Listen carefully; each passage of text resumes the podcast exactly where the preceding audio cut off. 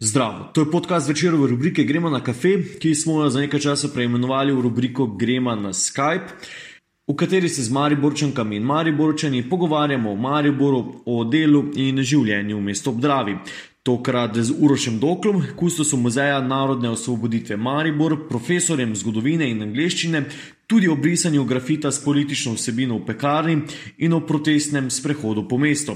Dan po dnevu upora proti okupatorju smo se po Skypu pogovarjali z zgodovinarjem in kustosom Muzeja narodne osvoboditve Maribor, Urošem Doklom. Na predstavljenem festivalu sprehodov, ki bi moral v Mariboru potekati marca, bi govoril o zgodbah okupiranega mesta. Da jih bo delil z vedoželjnimi, bo še počakal, ne čaka pa njegovo delo pedagoga v muzeju. Profesorja zgodovine in angliščine mnogi poznajo tudi zaradi projekta Jakob, v katerem se je ukvarjal z lajšanjem travm begunskih otrok. Vabljeni k poslušanju, opravičujemo se za morebitno slabšo zvočno izvedbo podcasta. Uroš, dokler pozdravljeni v rubriki Gremo na kafe, ki smo jo za nekaj časa preimenovali v Gremo na Skype, um, kustus, pedagog, um, šalco v roki, kaj to pomeni. Um, kava, čaj. Uh, pozdravljeni, lepo zdrav, torej iz domače karantene. Uh, če ne bi bil v službi, bi verjetno bil malo viski, drugače pa bela kava. Aha, e, bela kava, kak je kava v službi ali pa ne v službi, uh, pomembna za, za vas, ko petkanje, debatiranje ob kavi? Uh, Za me osebno niti ne, zaradi tega, ker se s kolegi ne morem istočasno družiti, takrat, ko so lahko, bom rekel, kolegi iz pisarne na kavi, ko se pač dobijo v nekem majhnem času za tisto malico. Imam jaz ponavadi v muzeju otroke in smo svetka z, z skupinami, tako da nekako to preskočim, ampak če bo kdaj priložnost, pa seveda jasno, z veseljem. Tako da, spoštovani kolegi, upam, da čim večkrat. No. Priporočam. Okay kako izgleda zdaj, um, rekli ste, doma ste, kako pa izgleda vaše delo uh, v dneh, ko so te muzeji zaprti?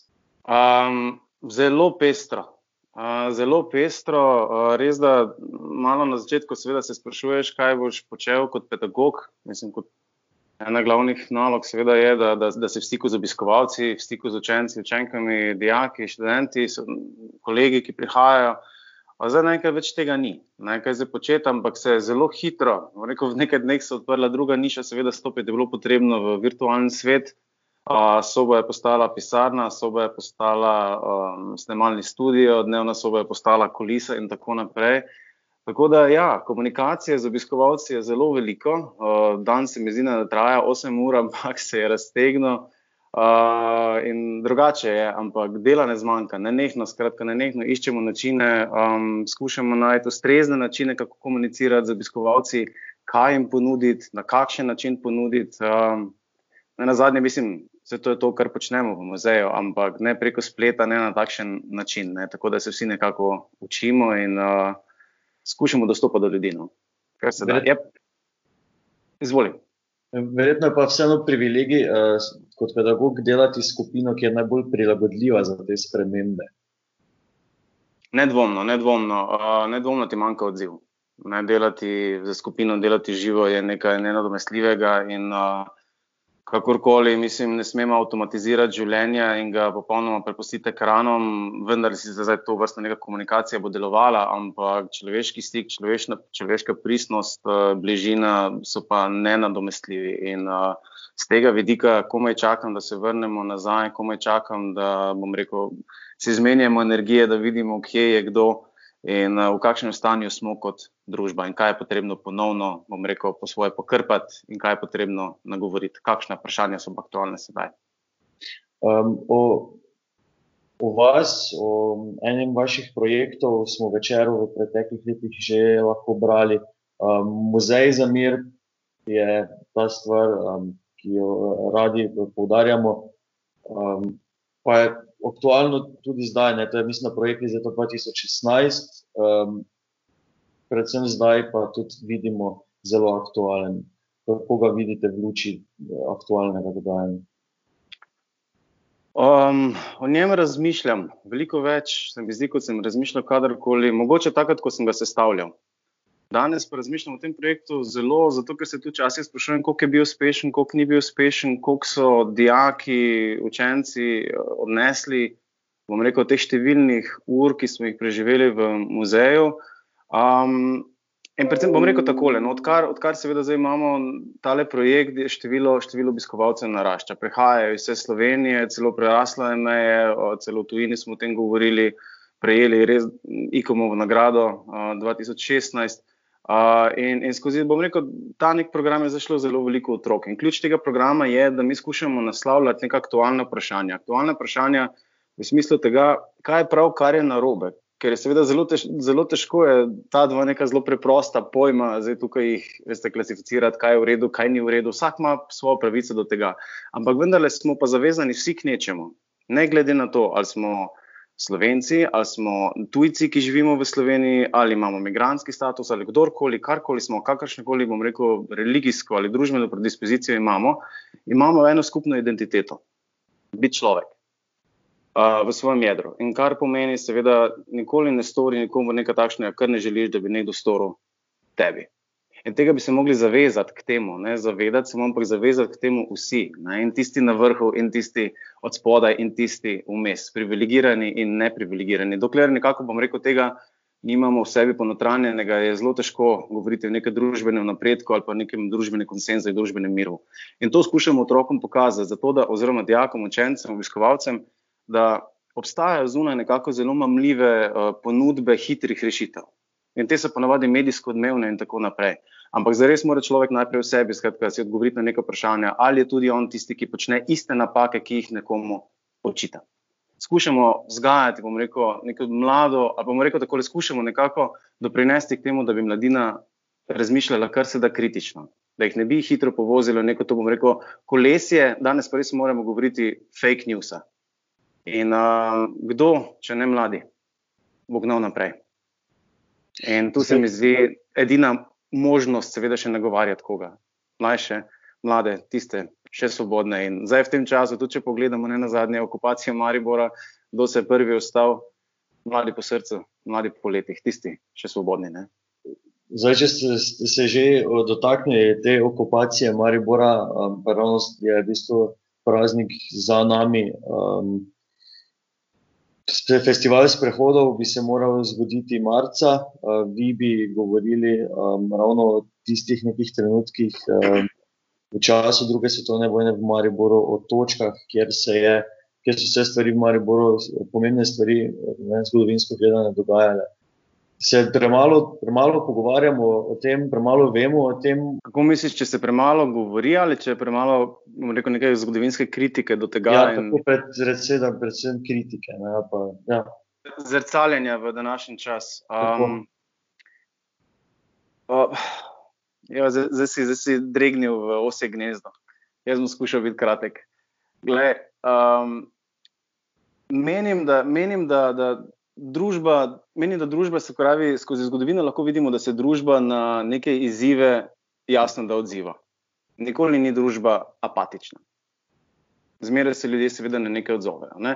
In kadar govorimo o okupaciji, takšne, kot se je zgodila v času druge svetovne vojne, ali pa imamo danes občutek, da nas okupira neka nevidna sila, kjer ne moremo ven iz hiš, zdaj pač v tem primeru to virus, um, seveda ljudje najprej, bom rekel, zazrejo vase in iščejo, iščejo neko uporo, iščejo tudi ne na zadnje neko družbo, neko skupino, na katero se lahko uh, naslonijo. In jaz bom tako rekel, da zdi se mi, da je, da, da je silno pomembno pri tem, da se zavedamo, da um, dobeno nasilje, dobena nepremišljena akcija ne more zares obuditi nekih sadov. Vedno je treba raje počakati, raje vdihniti. Zaradi tega, ker danes, če pogledamo, družba se zelo hitro, rekel, zelo hitro rada se uprema, bom rekel, lahkih rešitev, hitrih rešitev za neko aktualno krizo. In nalaže ena nekoga pokazati, kdo je kriv. Enkrat so imigranti, drugi so begunci, zdaj je pač virus, zdaj je kaj zvem kdo in kdo ve, kdo še kaj bo. Ne? Iskati nekega nenehnega sovražnika, s tem se nekako identificiramo, kdo smo. In mislim, da je pri tem predvsej pomembno, da se zavedamo, da je družba precej manipulativna masa. Družbo se da upravljati.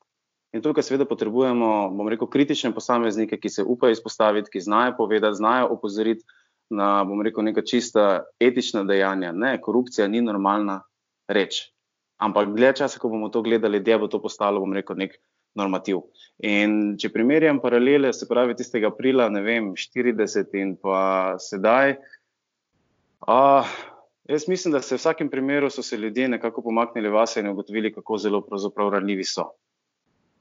Miza se lahko zelo hitro uh, obrne. In to ni čas, menim, vsaj da ni čas za neke uh, akutne rešitve, da se nekaj na, na, na hitro stopi, lahko se naredi še več škode potrebno se je umiriti, potrebno je razmisliti, kako in kaj. In pred vsakim dejanjem, ki ga seveda človek sam pri sebi naredi, kaj še le, ko se mora zavedati, da njegova dejanja vplivajo na družbo. Takrat pa seveda treba biti še posebej kritičen do samega sebe.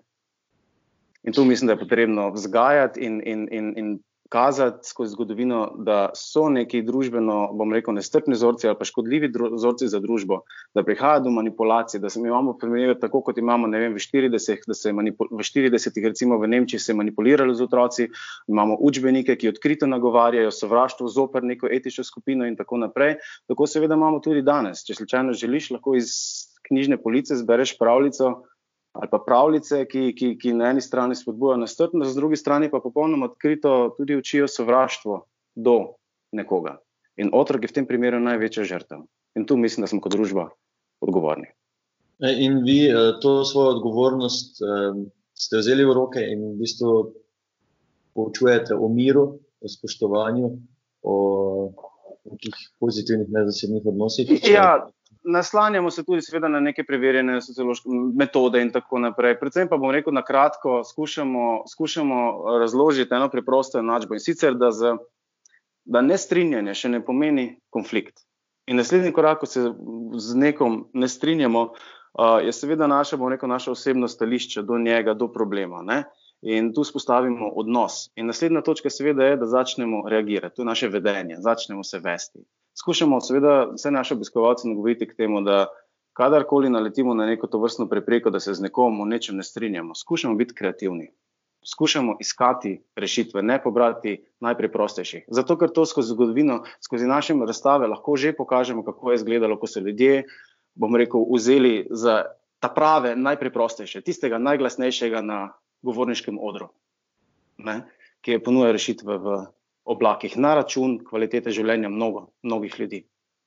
In, um, in tu skušamo, seveda, da bodite kreativni v iskanju rešitev. Kaj se odnosa tiče, skušajte biti sočutni, skušajte se postaviti v čevlje nekoga drugega.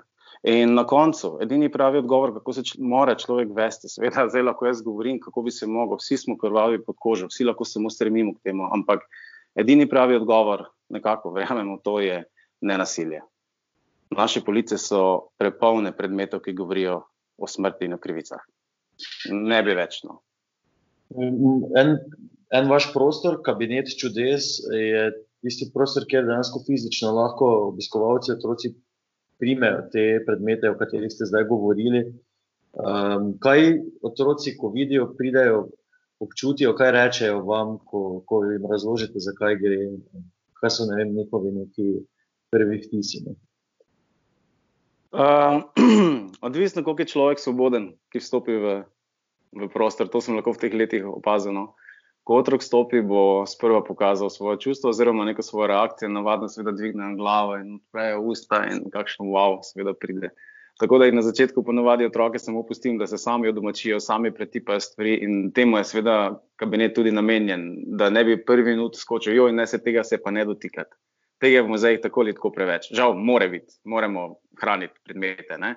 Ampak uh, morda pa lahko kaj kakšno izjemo naredimo in mislim, da kabinet uh, to ustvari, um, kjer seveda lahko poslušajo plošče, lahko stavijo kaseto v Vokmen, lahko prevrtijo kaseto, lahko da svinčnik v trak, uh, lahko vem, gledamo risanke na 16 mm projektu, slišijo zvok 8 mm kamere in tako naprej. Skratka, vse to je, je tam, tudi stare knjige. Uh, jaz mislim, da je to nekakšni temelji, da, da spostavljamo nekakšne temelje, da zgodovina ni nekaj daleč. Če mi, mislim, časovno je zelo daleč, ampak če mi med obiskovalci med predmet postavimo še steklo, to tudi udejanimo. In kako se naj potem, seveda, zgledno učimo iz nekih primerov zgodovine, in potem se nam, seveda, ta reč ponavlja, ne, znova in znova in znova. Kako se ne učimo, če seveda ne moremo izkusiti. In mislim, da obstaja nekaj špranje, kjer lahko obiskovalce to ponudiš, da se lahko nečesa dotakne, da se lahko, da lahko postane bolj dovzeten v svoje lastne preteklosti. Um, v tisti sobi imate tudi uh, naslovnico večera, iz, prvo ja. naslovnico večera iz 9. maja 1945. Ja. Um, na ta datum, seveda, ko smo že govorili o festivalu sprehodov, ne, um, konec vašega sprehoda, če sem jaz prav razumel, članek v dnevniku je v bistvu tudi. Ste govorili o tem, kje ste bili zadnji žrtvi v Mariborski v drugi svetovni vojni. Je res, mogoče če malo spomnimo tudi na to, na ta del. Ja, uh, ja popravek, niste bili dve žrtvi, dva sta padla tam na koncu. No, okay, na uh, padla je še tudi ena gospa, ampak ne mogoče je zdaj to točno spostaviti, bom rekel, časovnico. Ne? Ampak ja. vendarle govorimo o zadnjih žrtvah, to pa je. Ja. Um, torej, nazaj, na začetek uh, naslovnica večera, seveda, brez nje ne gre. Ta kabinet čudes je kabinet čudes, bom rekel, Maribora, mesta in okolice. In, in, in če ustvarjamo nek tak prostor, ne moremo mimo nekih ključnih menikov. In seveda, tista naslovnica večera nakazuje neko novo ero, neko novo dobo. Uh, zdaj, seveda, marsikdo se lahko obregne, zato ker je pač gor Tito. Ja. Ampak, ampak, ampak delujemo, mislim, delujemo na ideološko. Naša, naša usmeritev je seveda humana drža. Ne? In tu se je pač potrebno nekako stoično zagovarjati. To, kar, uh, tako da ne, mislim, če pa zdaj dam to dol, pa to pomeni seveda, da, da izključim en velik del zgodovine za Maribor, za Maribor, če ne se pravi večer vzame njegov prvi korak. In uh, v vsakem primeru s tem se je količila nova doba.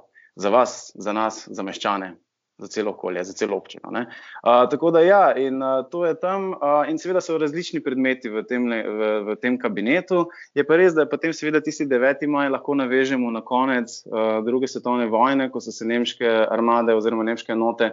Umikale iz Štajerske in seveda zdaj pod nekim mikroglediščem, to pomeni Mariboru, recimo na nekem majhnem križišču, tako da ko so Številni nemški tanki oziroma nemški vojaki se umikali iz mesta, so seveda prečkali mostove, katerim je tudi pretilo nevarnost, da jih bodo seveda porušili.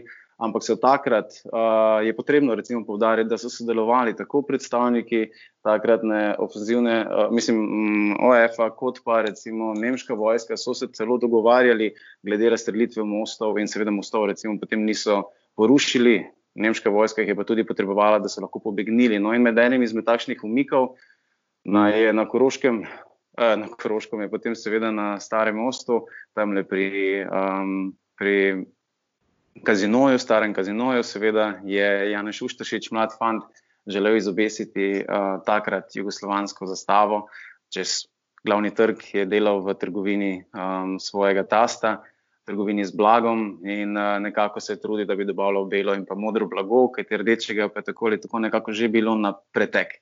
Uh, namreč uh, iz belega in modrega blaga so potem seveda ljudje sešili jugoslovanske zastave, kljub temu, da so še nemški vojaki bili v mestu in seveda tudi skušali nekako že nakazovati in celo mogoče malo provocirati in skozi okna so izobešali majhne jugoslovanske zastave. No in tale Janeš Uštašič, mlad fant, je skratka splezal na drog, prvi drog ob mostu in skušal izobesiti zastavo, in jo je. In ko se je vračal, uh, je gotovo, da se je zastava nekoliko nagnila, seveda se je vrnil in zastavo skušal popraviti. V tistem trenutku se pa je približala skupina uh, nemških vojakov in so seveda z, z tankom streljili v tisti del, kot je Janeš Uštetič popravljal zastavo. Seveda je v trenutku padel mrtev, ob njem pa je padel še mimo oči.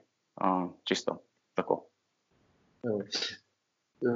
Fajn je, da imamo v Mariboru zgodovinarje, da nas, nas opominjate na um, dogajanje. Zdaj, eden od vaših citatov je tudi ta, um, da se zgodovina ne ponavlja, ampak da se ponavljajo napake. Ne? Uh, če lahko malo to razčlenite še za, za našo rubriko, uh, kaj, kaj ste mislili s tem? Um, subjektivno mnenje, seveda. No? Uh, Jaz mislim, da človek seveda jasno uči se na svojih napakah. In zdaj, ko rečemo, človek se uči na svojih napakah, istočasno seveda to izključuje, da, da se zgodovina ponavlja. Kako se naj ne bi ponavljala, če se človek ne bi učil na svojih napakah? In to seveda isto velja za, za družbo. Ne? Jaz spet osebno mnenje, včasih me sprejeli tisti, ki rečejo, zgodovina je učiteljica življenja. Ne, ni učiteljica življenja. Zdi se mi, da ne. Zdi se mi neka vrste Pandorina skrinjica, ko odpreš z nje zleti marsikaj. Ampak na koncu vendarle nekaj leži, upanje. Da se da seveda iz zgodovine pa naučiti tudi tiste uporabne stvari in to so seveda prav te napake. Učiti se iz napak drugih.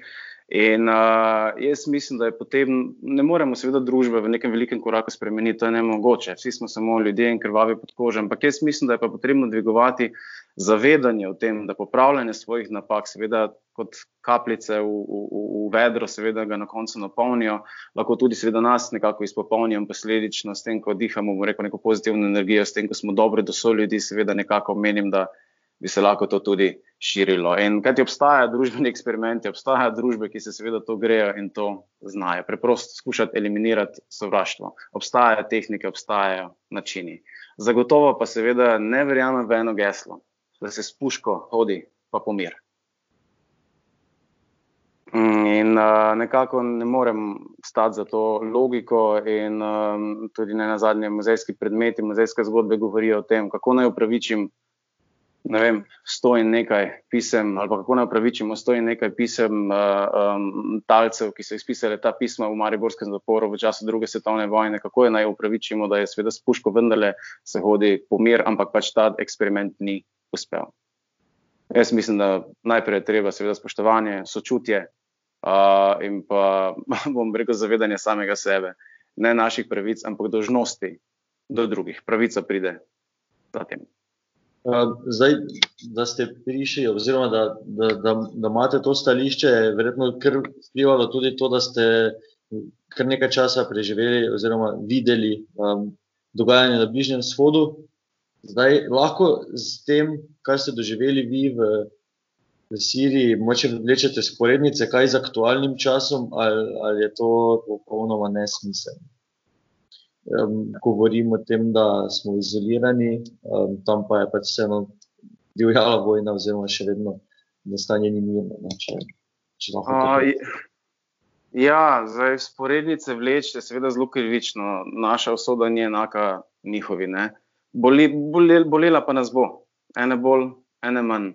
Ampak um, jaz bi samo pozoril na to, mi imamo virus in prepoved nekega gibanja za te občine, zagotovo so to težke, seveda, um, mislim, zapovedi za nas kot družbo, neke svobode, razmišljajoče družbo, odprto družbo. Um, zelo hitro smo se organizirali, zelo hitro smo se ostali, zelo hitro smo začutili, bomo rekel, kot družba v celoti, kaj pomeni kršenje nekega prostora. Ne? Pa se nam ni godilo, pa se nam ne dogaja. Tako zelo, bomo rekel, težka osoda. Ne bežimo za življenje. V tem trenutku, kot družba, še ne, bombe ne padajo. Ne moremo se postavljati v bok ljudem leta 41, 42, 43, ko so družine izsilili, ne moremo se postavljati v bok Siriji in tako naprej, kjer so pač ljudje izgubili domove, izgubili družinske člane. Tako, to ne gre primerjati. Ampak kaj pa lahko primerjamo, je pa odziv na stisko. Odziv na stisko in zelo hitro smo tudi mi, seveda, zahtevali in že zahtevamo, rekel, neko svojo pravico v tej uh, stiski. Jaz mislim, da tu lahko vlečemo bolj takšne paralele, da se človek, seveda, v stiski zmeraj um, obnaša nepredvidljivo. No? In to je, pokazala, to je pokazala tudi um, zgodovina. In zato, seveda, pač ukrepi kot so. Jaz bom nekako v tem smislu vidim paralele. Okay. Uh, zdaj, v Mariboru, minuli, minuli vikend se je kar dogajalo. Uh, pojavi se grafit na uh, pekarni, uh, ki ga je potem nekdo uh, dal prepleskati. Včeraj so se, včeraj, danes je torek, ko to snemamo, včeraj so se v Mariboru zgodil tudi sprehod skozi mesto. Uh, Kako si vi razlagate te stvari, te pojave? Um, hm. uh, kot eno, bom rekel takole, no, zdaj, ker ste me izvali s tem uh, grafitom, načeloma ga ne bi komentiral, ampak bom rekel takole. Da, uh, Um, ljudje v teh časih težko, mislim, da razumejo med, med ločnico, med satiro, med razželitvijo, um, provokacijo. Um, ljudje imajo tudi v teh časih pravico čutiti svojo stisko in svojo stisko izraziti. Um, zdaj, da pa se je to seveda nekako obregnilo ob neko ideološko gibanje tam v 30 in 40 letih, o katerem seveda vsi govorimo, ki ga ta desnica krepko nakazuje, zraven so seveda besedna igra parole.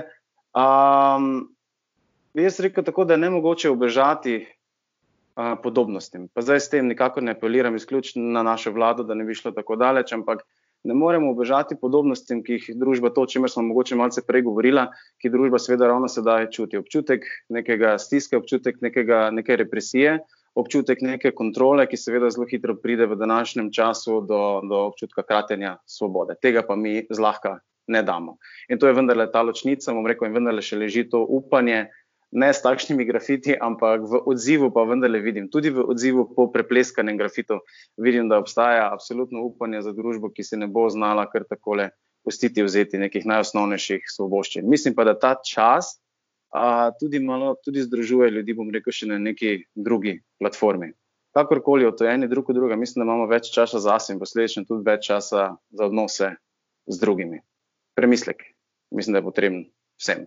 Tako da jaz sem pa pripričan, če še, še ta kopija ni pojavila, sem pa pripričan, da se nekje bo. Imam pa seveda vprašanje, tudi, um, ki, me, ki me malce žulje, pa to, kaj pa z ostalimi svastikami v mestu, kot ga je postavil vaš urednik. No? Ja, ki jih je res uh, veliko.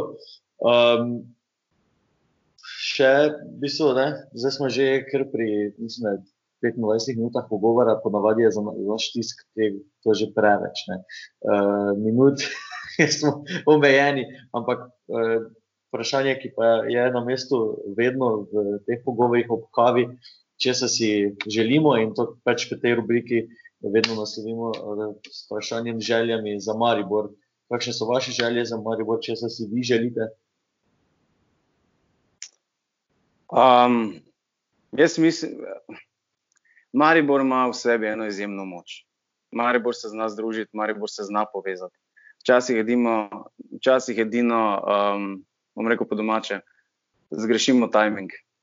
Včasih to naredimo v nepravem trenutku. Uh, ampak so bili trenutki, ko so se tudi, seveda, mari borčani pokazali, da se znajo postaviti in uh, zagovarjati svobodo v pravem pomenu besede. Na to, seveda, kot nekdo, ki deluje v mestu, sem zelo uh, ponosen.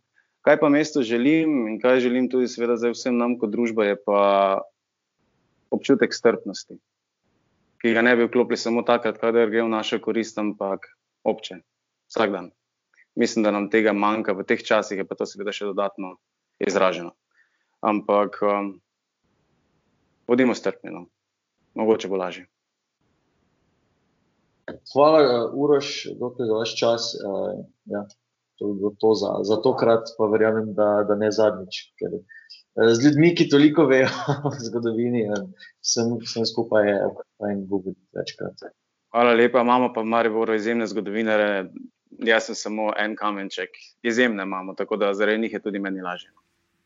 To je bil podcast večerove rubrike Gremo na kafe. Pogovarjali smo se z Uršom Doklom, jaz sem Miha Dajčman, pod tem imenom me najdete na Instagramu, Twitterju in Facebooku. Vabljeni k branju večera, tudi na vecer.com kjer lahko do vseh člankov dostopate s plačilom le enega evra. Vabljeni tudi k poslušanju večerovih podkastov na SoundCloudu in na vseh ostalih podcast aplikacijah. Ostanite doma in ostanite zdravi.